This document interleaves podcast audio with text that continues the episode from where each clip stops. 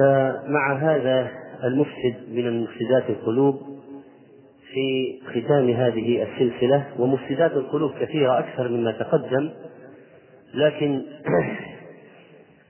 لمحدودية الوقت آه، نكتفي بهذا المرض الخطير والمفسد الشنيع من المفسدات. ولعله تتاح الفرصة مرة أخرى لذكر بقاء لذكر بقية من هذه المفسدات. لأهمية معرفتها والحذر منها. يجب أن تكون محبة القلب لله عز وجل، وليس للقلوب سرور ولا لذة تامة إلا في محبة الله والتقرب إليه بما يحبه. ولا تكمن محبته إلا بالإعراض عن كل محبوب سواه وهذه حقيقة لا إله إلا الله وهي ملة إبراهيم الخليل عليه السلام وقال عليه الصلاة والسلام قولوا أصبحنا على فطرة الإسلام وكلمة الإخلاص ودين نبينا محمد صلى الله عليه وسلم وملة أبينا إبراهيم حنيفا مسلما وما كان من المشركين. وهذا الحنيف المستقيم على طاعة الله عز وجل كما قال الله فاستقيموا إليه واستغفروه وويل للمشركين. مال عن الشرك واستقام على التوحيد.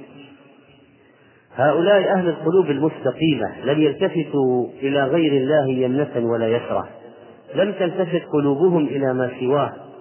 فلم يحبوا إلا هو ولم يخافوا إلا منه. فهم يرجونه ويسألونه ويتوكلون عليه ولا يجعلون معه أندادا. ولا يتشوفون بقلوبهم إلى غيره. وإن من أعظم ما يفسد القلب ويبعده عن الله عز وجل هو العشق. يرديه المهالك ويبعده عن خير المسالك يجعله في الغواية ويضله بعد الهداية. ذل في النفس وران في القلب هوان في الدنيا وعذاب في الآخرة. هو الداء الدوي الذي تذوب معه الأرواح ولا يقع معه الارتياح بل بحر من ركب بل هو بحر من ركبه غرق لأنه لا ساحل له. ولهذا فلا بد من التحصيل للمهتدين. والهداية والاستنقاذ للعاشقين خصوصا في هذا الزمان الذي كثرت فيه المغريات والمغويات التي أصبح الحليم فيها حيرانا. نسأل الله أن يعيذنا من مضلات الفتن ما ظهر منها وما بطن. أما بالنسبة لتعريف العشق في اللغة فإن العين والشين والقاف هذه المادة تدل في معناها اللغوي على تجاوز حد المحبة كما قال ابن فارس في مقاييس اللغة. وفي لسان العرب لابن منظور العشق فرط الحب. والعشق ذبول القلب من شدة الهوى كما تذبل العشقة إذا قطعت وهي شجرة تخضر ثم تدق ثم تصفر. وقال شيخ الإسلام رحمه الله المعروف من استعمال هذا اللفظ في اللغة إنما هو في محبة جنس النكاح. مثل حب الآدمي مثله ممن يستمتع به من امرأة أو صبي فلا يكاد يستعمل هذا اللفظ في محبة الإنسان لولده وأقاربه ووطنه وماله ودينه وغير ذلك ولا في محبة آدمي لغير صورته مثل محبة الآدمي لعلمه ودينه وشجاعته وكرمه وإحسانه بل المشهور من لفظ العشق هو محبة النكاح ومقدماته. فالعاشق يريد الاستمتاع بالنظر إلى المعشوق وسماع كلامه أو مباشرته بمعانقة أو وطء ونحو ذلك. وفي هذا الكلام لشيخ الإسلام رحمه الله فائدة أن العلاقة بين العبد والرب لا يجوز أن يطلق عليها عشق أبدا كما أطلق المنحرفون من الصوفية والملاحدة كابن عربي وابن سبعين وغيرهم على ذلك على الله عز وجل. فقالوا إن العشق والعاشق والمعشوق شيء واحد وقالوا بأن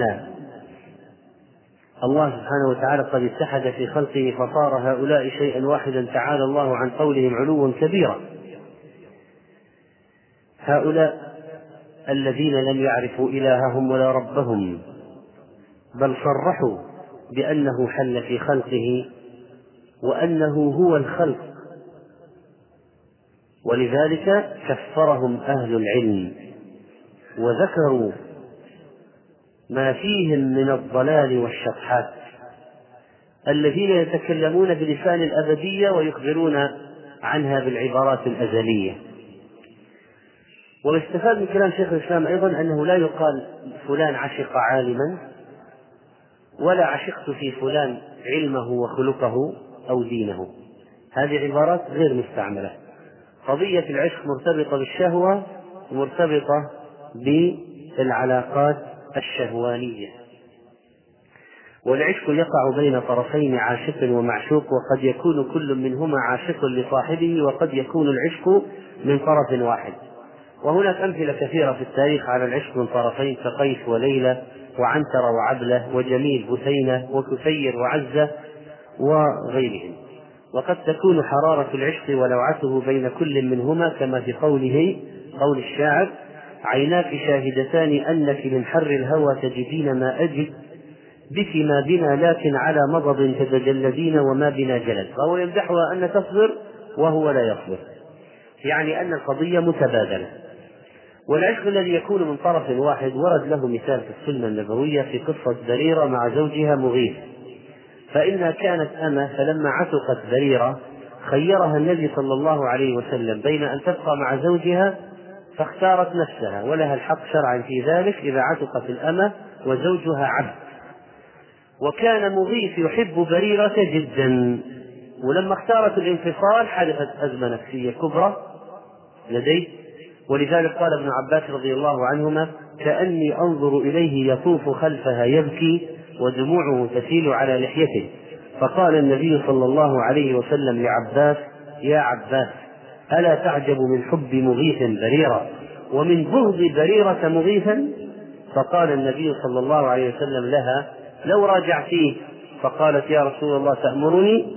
قال إنما أنا أشفع. قال لا حاجة لي فيه. وهكذا يكون العشق في أمور من الحلال كموضوع الزواج هذا يصل إلى هذه الدرجة في شيء أصل مباح كالنكاح. ويكون في أمور محرمة كثيرة وهي أكثر حالات العشق. وعشق الرجال للنساء هو الأعم الأغلب وإذا قلنا إن فيه نوع من المباح فهو في علاقة النكاح أو العبد أو العبد والأمة أو السيد والأمة. وهذا إذا لم يصل إلى ما يمس العبودية وارتكاب المحرمات وترك الطاعات فإنه يبقى في دائرة المباح. وأما عشق النساء للرجال فله حالات محرمة كثيرة مثل ما أخبرنا الله سبحانه وتعالى عنه عن قصة امرأة العزيز مع يوسف عليه السلام فكانت منه عفة وصبر وتقوى وكان منها العشق والمطاردة والحرص على إيقاعه في الحرام وكان الداعي لديها قويا وثبته الله عز وجل. وبالرغم مما ركب الله في طبعه كرجل من الليل إلى المرأة ومن كونه شابا ومن كونه عزبا ومن كونه في بلاد غربة ومن كون المرأة المرأة ذات منصب وجمال وأنها غير آبية ولا ممتنعة بل هي الداعية له وأنها طلبت وأرادت وقالت هيت لك وأسقطت الحواجز النفسية وهو في دارها وتحت سلطانها وعبد عندها ولا يخشى على نفسه التهمة يدخل ويجيء بحكم عمله عندها مملوك في الدار واستعانت عليه بأئمة المكر والاحتيال من نساء أهل المدينة وتوعدته بالسجن والصغار وزوجها لم يظهر غيره بالرغم من هذه الدواعي كلها فإن يوسف عليه السلام قد آثر مرضاة الله تعالى واختار السجن على الزنا وقال رب السجن أحب إلي مما يدعونني إليه.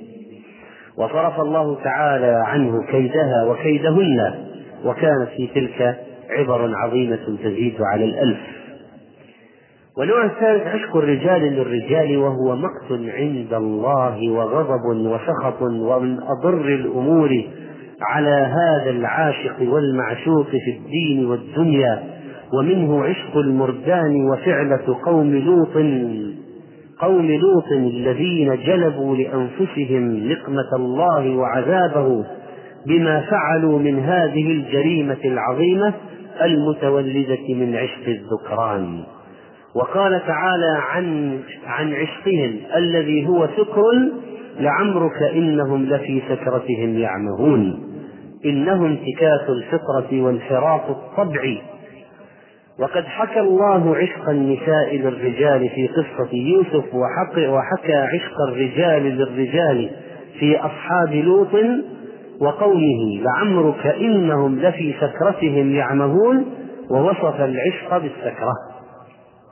وكان من جرائمهم أنه اكتفى رجالهم برجالهم ونساؤهم بنسائهم. ولذلك فإن عشق النساء للنساء نوع رابع. وقد انحسر بعد قوم لوط كما انحسرت تلك الفاحشة ولكن بقيت لها آثار في البشرية. حتى جاء عصرنا هذا فطفح الكيل وانتشرت الشهوات. وعم فعل قوم لوط قوم لوط في البشر وصاروا يأتون الفاحشة وصارت عملية المثلية التي يريدون بها إخراج الفحش والتعبير بهذه الكلمة المثلية ونحوها عن الجريمة لتخفيفها في أسماع الناس صار الأمر مبلغا عظيما وشأنا سيئا جدا منتشرا في المجتمع. وإذا نظرت اليوم في حال المدارس وما تحويه تلك المجتمعات التي يأتيها هؤلاء لوجدت في الأمر شيئا عجيبا من الحالات التي تبين مقدار ما وصل إليه هؤلاء من السكر. هذه العملية التي تبدأ عندها عند الطالبات مثلا بمرحلة من الإعجاب البسيط يتطور إلى رسائل ملتهبة ثم إلى حركات مشينة تصل إلى درجة الشذوذ وارتكاب الفواحش. وكشفت الدراس بعض الدراسات وجود نسبة كبيرة من هذه القضية منتشرة على مستوى النساء والرجال. وربما تعلقت بها فأفصحت لها عن شعورها ولأجل أن لا تفترق عنها وبينهما سنتين سنتان دراسيتان تعمدت أن ترسب في الامتحانات لتظل بجوار المعجبة بها. ويصل الأمر كذلك من الغيرة عليها فتنسحب من نشاط لأن تلك التي عشقتها لا تريدها أن تظهر أمام الطالبات والأمهات. وربما وصلت إلى درجة من كتابة الاسم على الحقيبة والدفتر وطاولة الدراسة وجدران المدرسة بل حتى أبواب الحمامات وهذا اللائق بأصحاب هذه الحالة. وكذلك ترى الإيقاع في المصايد والمكر والاحتيال للوصول من العاشقة للمعشوقة ونحوها والحالات التي تتطور حتى بين من بينها وبينها سنوات كثيرة كما تجدها بين طالبة ومعلمة. وإمطار بالمكالمات الهاتفية وذهاب إلى المكتب في وقت الفسح والتعمد اللقاء عند الباب في الذهاب والقدوم وغير ذلك.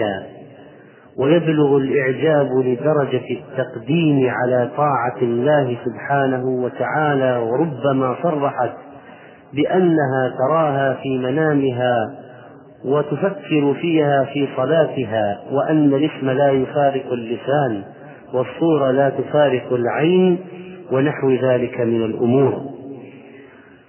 وأنها تكاد تجن وتموت قهرا إذا تخرجت أو صار بينهما انفصال كما صرحت بعضهن بأنها حاولت الانتحار عند حدوث الفراق بالتخرج أو نقل المعلمة أو انتقال الطالبة. إلى مكان آخر. إن هذه المسألة التي فيها إشغال للقلب عجيب وشكوى كبيرة إنها مظاهر سيئة وربما ظهرت في بعض الأوساط التي يوجد فيها بعض الأخيار ولذلك كان لا بد من التنبه لهذه الآفة لأنها قد تغلف بقالب المحبة في الله والأخوة ولكنها في الحقيقة ليست كذلك. وقد تبدأ بأخوة في الله حقا ومحبة له ثم تنحرف العلاقة بعد ذلك إلى إعجاب وتعلق ثم عشق. ويبلغ هذا الإعجاب بالصفات أو ببعض ما لدى الآخر من مجالات التفوق كالمنطق أو الخطابة أو شيء من الخلق الحسن ونحو ذلك يبدأ في مجال طيب إعجاب بخلق حسن. وقد يبدأ بمجال سيء كحسن المنظر ونحو ذلك. وقد يبدأ بمجال أوله مباح كخفة الدم والمزاح ثم يتطور إلى أمور شنيعة. وكذلك فإن هذه الحالات يكون لها مظاهر ومنها محاولة إخفاء العلاقة والإصرار فيها وكذلك إطالة الجلوس أكبر فترة ممكنة وكذلك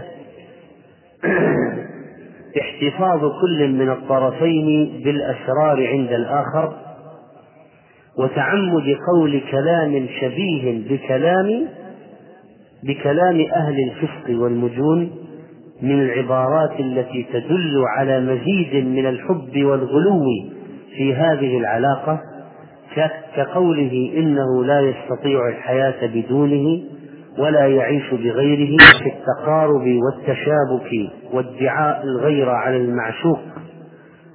والشعور بالهم والضيق والغم إذا فارقه ولو إلى المسجد. ومحاولة صبغ العلاقة بالخصوصية والمثالية الزائدتين وتقبل كل ما يصدر من المعشوق حتى لو كان فيه إساءة أو كان فيه معصية أو شتيمة.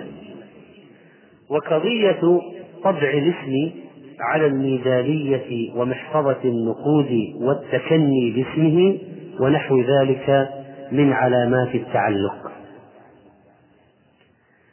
وربما أصر على توصيله بسيارته حتى ولو لم يكن هناك داع.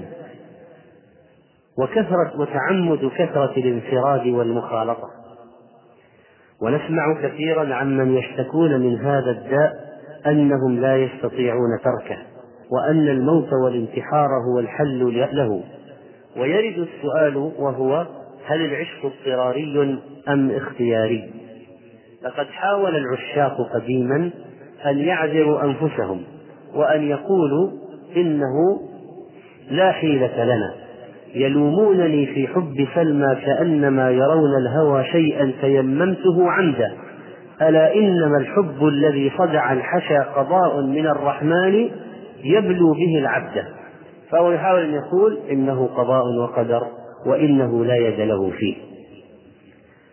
والحق كما ذكر ابن القيم رحمه الله وغيره من العلماء أن مبادئ العشق وأسباب اختيارية داخلة تحت التكليف. وأنه يتعمدها العاشق من النظر والتفكر والتعرض لهذا الشخص.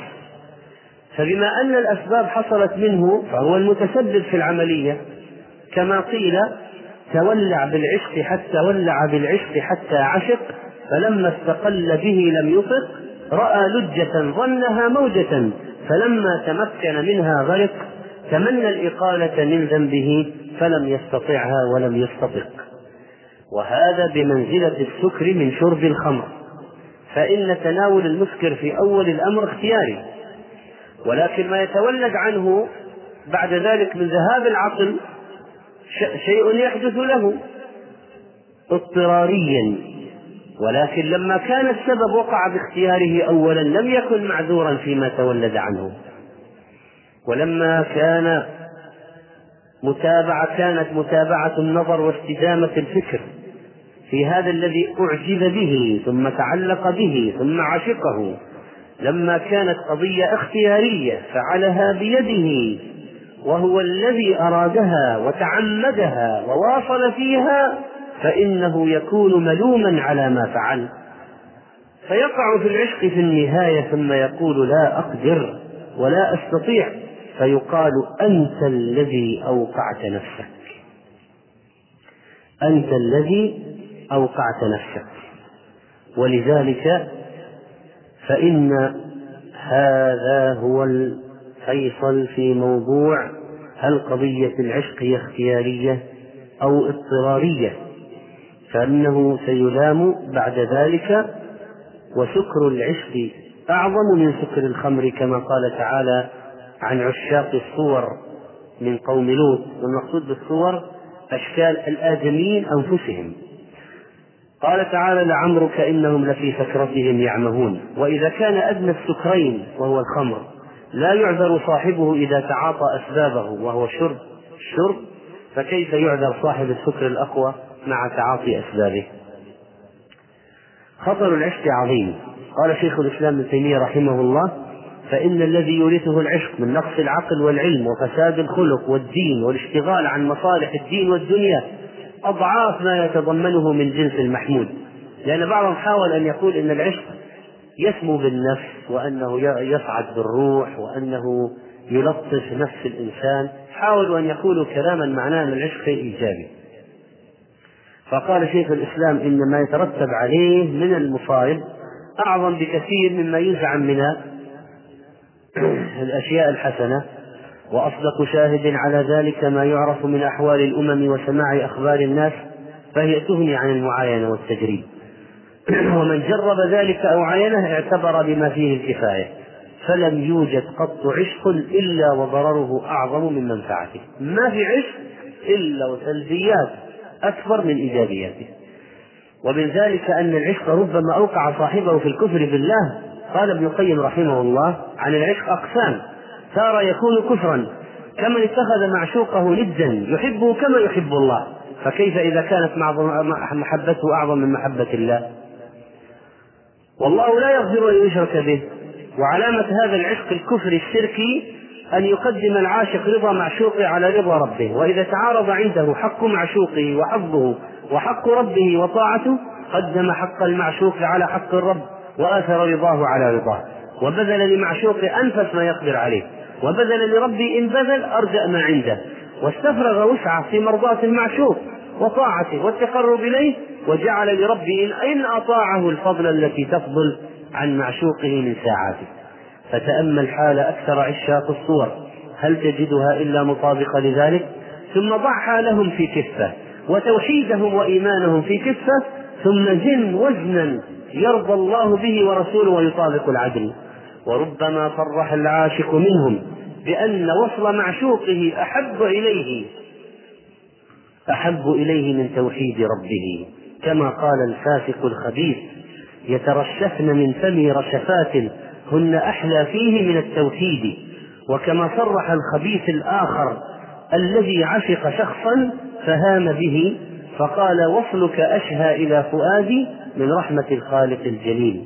ولا ريب أن هذا من أعظم الشرك وكثير من العشاق يصرح بأنه لم يبق في قلبه موضع لغير معشوقه البتة غير المعشوق ما في محل القلب بل قد ملك عليه معشوقه قلبه كله فصار عبدا مخلصا له من كل وجه فقد رضي من عبودية الخالق بهذا المخلوق.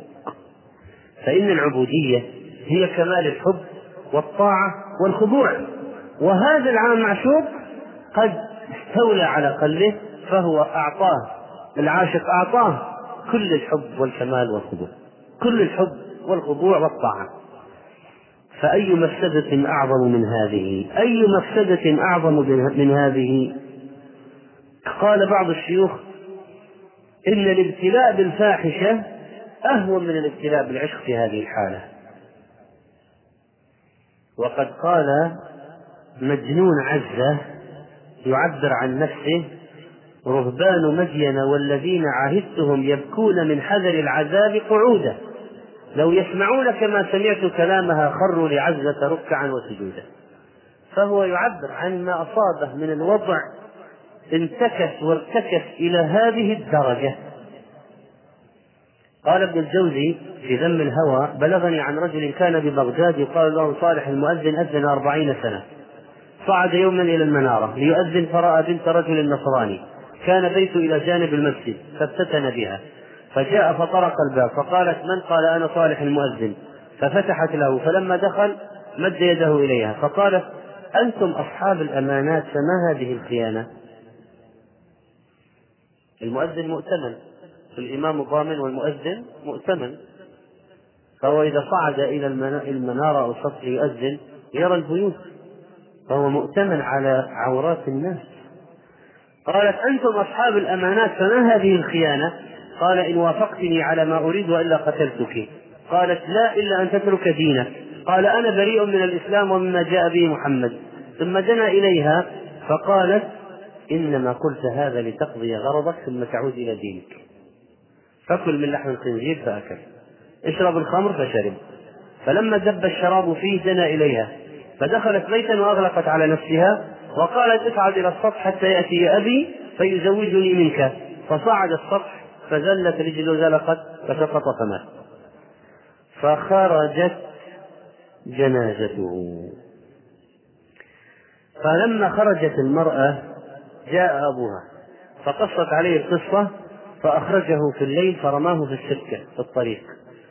فظهر حديثه واشتهر عند الناس فرموه في مزبلة قال ابن القيم رحمه الله وإذا أراد النصارى أن ينصروا الأسير اسمع هذا الكلام لتعرف خطط أعداء الله في القديم وفي الحديث أيضا. وإذا أراد النصارى أن ينصروا الأسير أروه امرأة جميلة وأمروها أن تطمعه في نفسها. حتى إذا تمكن حبها من قلبه بذلت له نفسها إن دخل في دينها. فهنالك يثبت الله الذين آمنوا بالقول الثابت في الحياة الدنيا. ومن المفاسد أن العاشق يسعى للنيل من معشوقه بشتى الوسائل وربما استعان العاشق على وصال المعشوق بشياطين الجن والسحر وهذا موجود معروف معلوم في الواقع.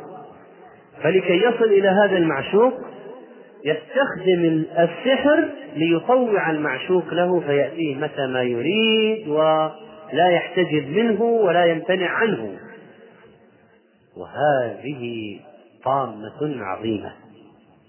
هناك حالات كثيرة جدا موجودة في الواقع في هذا الباب. فيضم إلى العشق الشرك والكفر لأن السحر كفر. ولذلك فإن القضية خطيرة والله. ومن ضرر العشق وآفاته الاشتغال بذكر المخلوق وحب عن حب الرب وذكره. ولا يجتمع في القلب هذا وهذا إلا ويقهر أحدهما الآخر. وهكذا فأصحاب العشق الشيطاني لهم من تولى الشيطان لهم من تولي الشيطان والإشراك به نصيب عظيم. ولهذا ترى كثيرا منهم عبدا لذلك المعشوق متيما فيه يصرخ في حضوره ومغيبه أنه عبده. أصلا في الأغاني موجود هذا يصرح المغني في كلماته بأنه عبد لحبيبته أو معشوقته ونحو ذلك. بل ويعبر بالصلاة والعبادة وكفى به شاهدا بذلك على نفسه بل الإنسان على نفسه بصيرة ولو ألقى معاذيره. ولو خير هذا العاشق بين رضاه رضا المعشوق ورضا الله لاختار رضا معشوقه على رضا ربه ولقاء معشوقه أحب إليه من لقاء ربه. ويتمنى قربه أعظم من تمني قرب الرب ويعمل في هربه من سخطه أشد من هربه من سخط الرب. يسخط ربه بمرضاة المعشوق ويقدم مصالح معشوقه على طاعة ربه. فإن فضل من وقته فضله وكان عنده قليل من الإيمان صرف تلك الفضل في طاعة ربه. وإن استغرق الزمان حوائج معشوقه ومصالحه صرف زمانه كله فيها وأهمل أمر الله. يجود لمعشوقه بكل نفيسة ونفيس. ويجعل لربه من ماله إن جعل له كل رذيلة وخسيس. فلمعشوقه لبه وقلبه وهمه ووقته وخالص ماله. وربه على الفضل قد اتخذه وراءه ظهريا وصار لذكره نسيا. إن قام في خدمته في الصلاة فلسانه يناجيه وقلبه يناجي معشوقه ووجه بدنه إلى القبلة ووجه قلبه إلى المعشوق. ينفر من خدمة ربه حتى كأنه واقف في الصلاة على الجمر من ثقلها عليه. فإذا جاءت خدمة المعشوق أقبل عليها بقلبه وبدنه فرحا بها ناصحا له فيها. خفيفة على قلبه لا يستثقلها ولا يستطيلها ولا ريب أن هؤلاء من الذين اتخذوا من دون الله أندادا يحبونهم كحب الله والذين آمنوا أشد حبا لله فهذا مجنون ليلى يقول أراني إذا صليت يممت نحوها بوجهي وإن كان المصلى ورائيا وما بي إشراك ولكن حبها كعظم الشجا أعيا الطبيب المداويا هذا العظم المعترض في الحلق الذي يصعب إخراجه كحسكة السمكة. ومن أضرار العشق عذاب قلبه لمعشوقه فإن من أحب شيئا غير الله عذب به ولا بد. كما قيل فما في الأرض أشقى من محب وإن وجد الهوى حلو المذاق تراه باكيا في كل حين مخافة فرقة أو الاشتياق. والعشق وإن استلذ به صاحبه فهو من أعظم العذاب. والعاشق قلبه أسير في قبضة معشوقه. يسومه سوء الهوان. يحرك يمينا يحركه شمالا. يستجيب له كالطفل الذي يحرك الآلة بجهاز التحكم. ولكن لسكرة العشق لا يشعر بالمصيبة. فقلبه كعصفورة في كف طفل يسومها. حياض الرجا والطفل يلهو ويلعب. والعاشق كما قيل طليق برأي العين وهو أسير عليل على قطب الهلاك يدور وميت يرى في صورة الحي غازية وليس له حتى النشور نشور. أخو غمرات ضاع فيهن قلبه فليس له حتى الممات حضور. ومنها أنه يشتغل به عن مصالح دينه ودنياه فليس شيء أضيع للدين ومصالح الدنيا من عشق الصور. أما مصالح الدين تضيع لماذا؟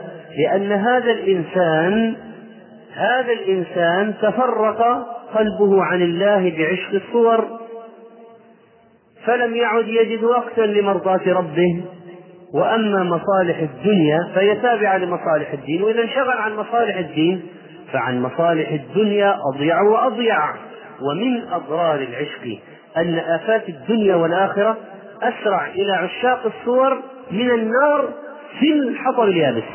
وسبب ذلك أن القلب كلما قرب من العشق وقوي اتصاله بالمعشوق بعد من الله. فأبعد القلوب من الله قلوب عشاق الصور. وإذا بعد القلب من الله طرقته الآفات. وتولاه الشيطان من كل ناحية. ومن تولاه عدوه واستولى عليه لم يدع أذى يمكنه إيصاله إليه إلا أوصله فما الظن بقلب تمكن منه عدوه وأحرص الخلق على غيه وفساده. وكذلك فإذا تمكن من القلب واستحكم أفسد العقل أفسد الذهن أحدث الوساوس أفقد القدرة على التفكير. ولذلك تراه لا يستطيع أن يحيك دراسة ولا أن يمشي في تجارة ولا أن يفكر في قضية. ولا أن يحل مشكلة لأن التفكير انشل والقلب قد علاه هذا العشق فلم يعد يدري كيف يفكر ولا يهتدي سبيلا. وأشرف ما في الإنسان عقله وبه يتميز عن البهائم فإذا عدم العقل وفقد عقله التحق بالبهائم وربما كان حال الحيوان أصلح من حاله. وهل أذهب عقل مجنون ليلة وأضرابه إلا العشق. بل زاد جنونه على جنون غيره. قالوا جننت بمن تهوى فقلت لهم العشق أعظم مما بالمجانين. العشق لا يستفيق الدهر صاحبه وإنما يصرع المجنون في الحين.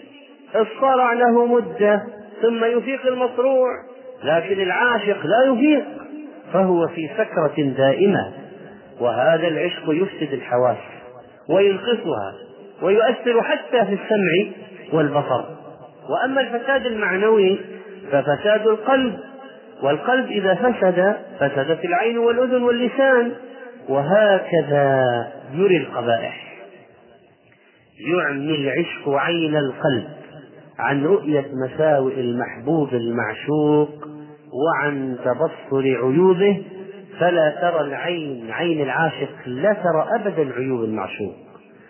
ويصم أذنه عن الإصغاء إلى أي قادح فيه ومنبه على أخطائه ويستميت في الدفاع عنه ولو كان خطأ المعشوق واضحا. لكن لما بلغ السيل الزبا وبلغ به هذا المبلغ ما عاد يرتضي أن يقدح في معشوقه أحد.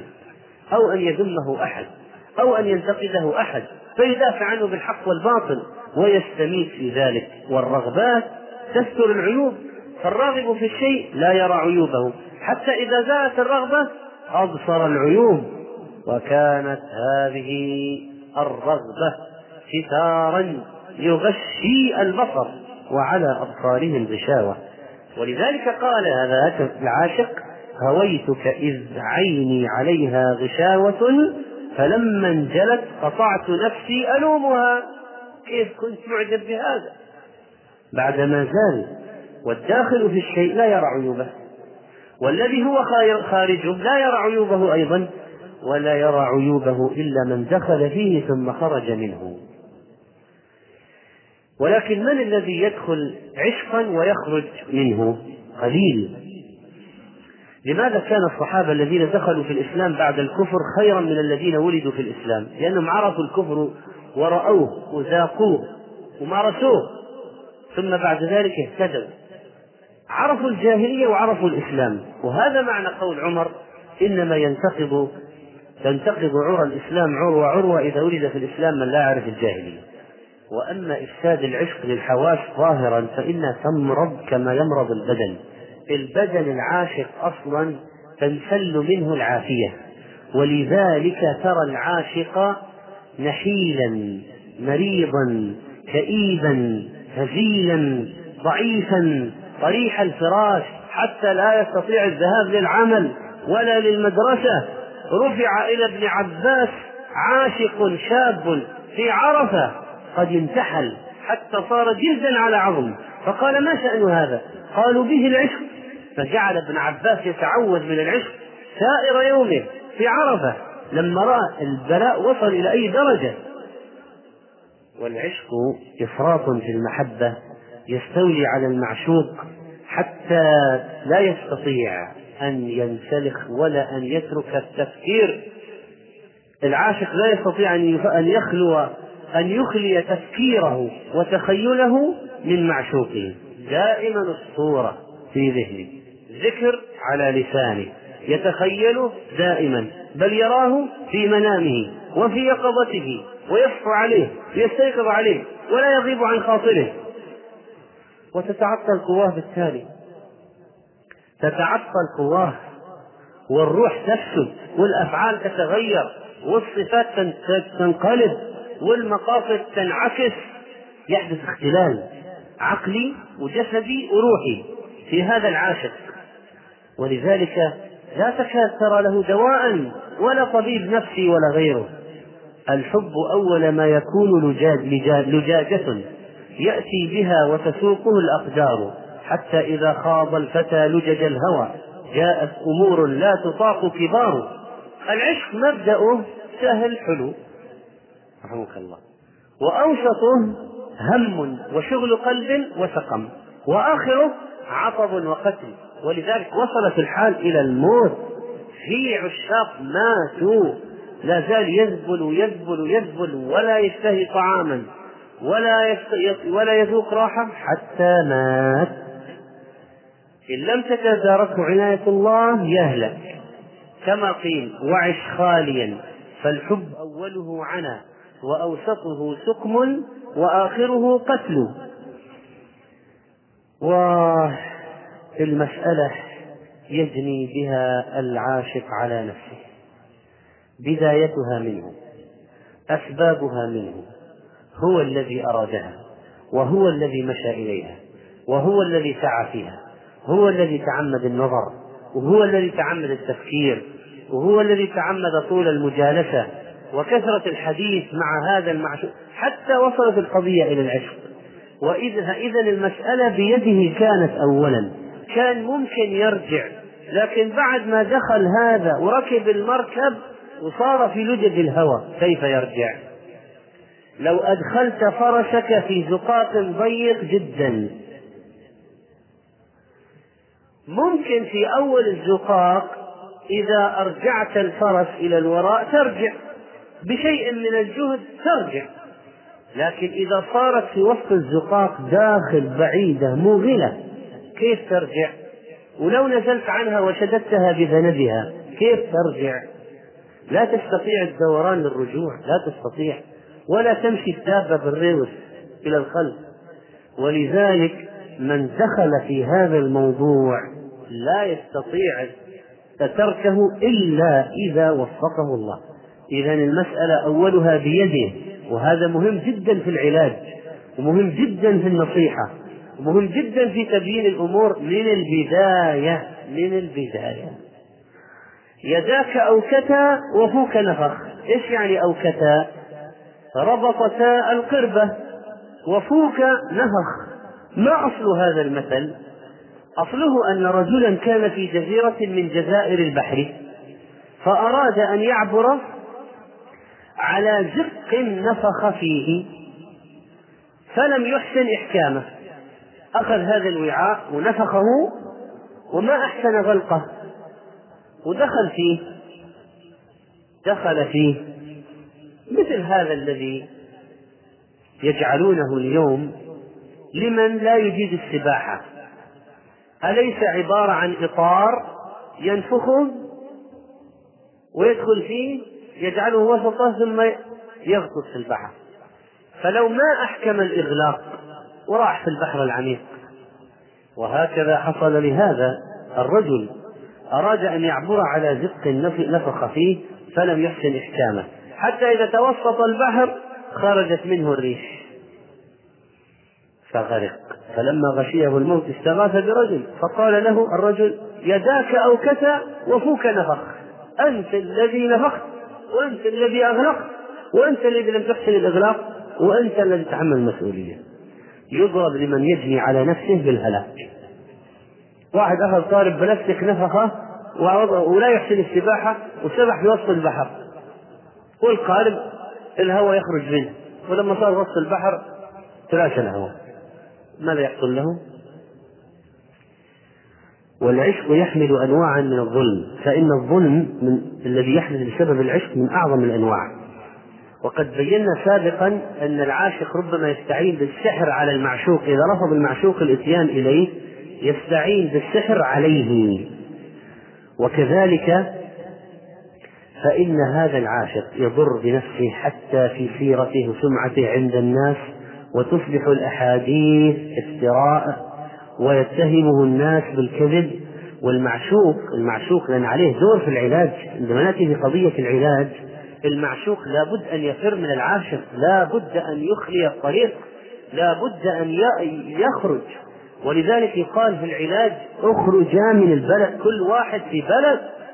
إذا المسألة ما انحسمت إلا كل واحد في بلد يجب عليه شرعا أن ينتقل من البلد يطلع من البلد الذي فيها المعشوق حتى لا يقع له على خبر ولا حس ولا أثر ولا يراه ولا يسمع كلامه. ما تنتهي القضية إلا بهذا. ربما إذا غاب عنه قال ازددت عذابا. فنقول اصبر النصر مع الصبر. يقول أوشكت على الموت. نقول لو مت أنت شهيد في سبيل الله. لأنك الآن امتنعت وموتك الآن شهادة.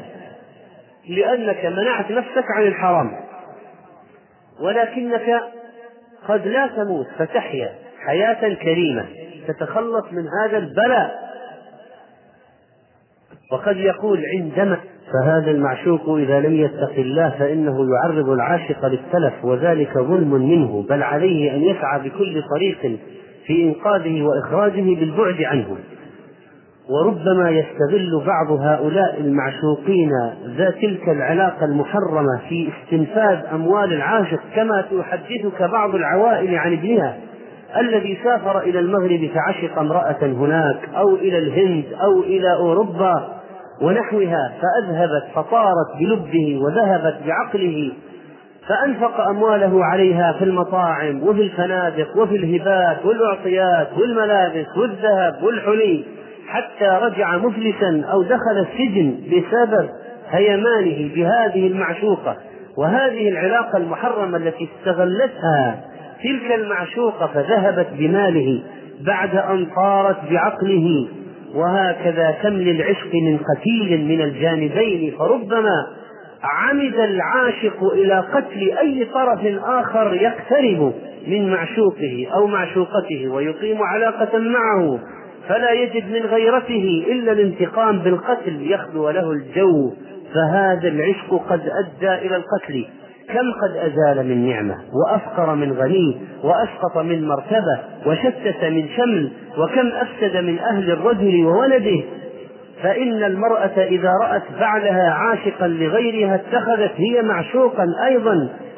فخرب البيت بالطلاق وحصلت وحصلت وحصلت من الكوارث في الأخلاق واختلاط الأنساب وهتك الأعراض. قال ابن القيم رحمه الله وتلك لعمر الله الفتنة الكبرى والبلية العظمى التي استعبدت النفوس لغير خالقها وملكت القلوب لمن يسومها الهوان من عشاقها وألقت الحرب بين العشق والتوحيد ودعت إلى موالاة كل شيطان مريد فصيرت القلب للهوى أسيرا وجعلته عليه حاكما وأميرا فأوسعت القلوب محنة وملأتها فتنة وحالت بينها وبين رشدها وصرفتها عن طريق قصدها ونادت عليها في سوق الرقيق فباعتها بأبخس الأثمان وأعاضتها بأخس الحظوظ وأدنى المطالب عن العالي من غرف الجنان فضلا عما فوق ذلك من القرب من الرحمن فسكنت إلى ذلك المحبوب الخسيس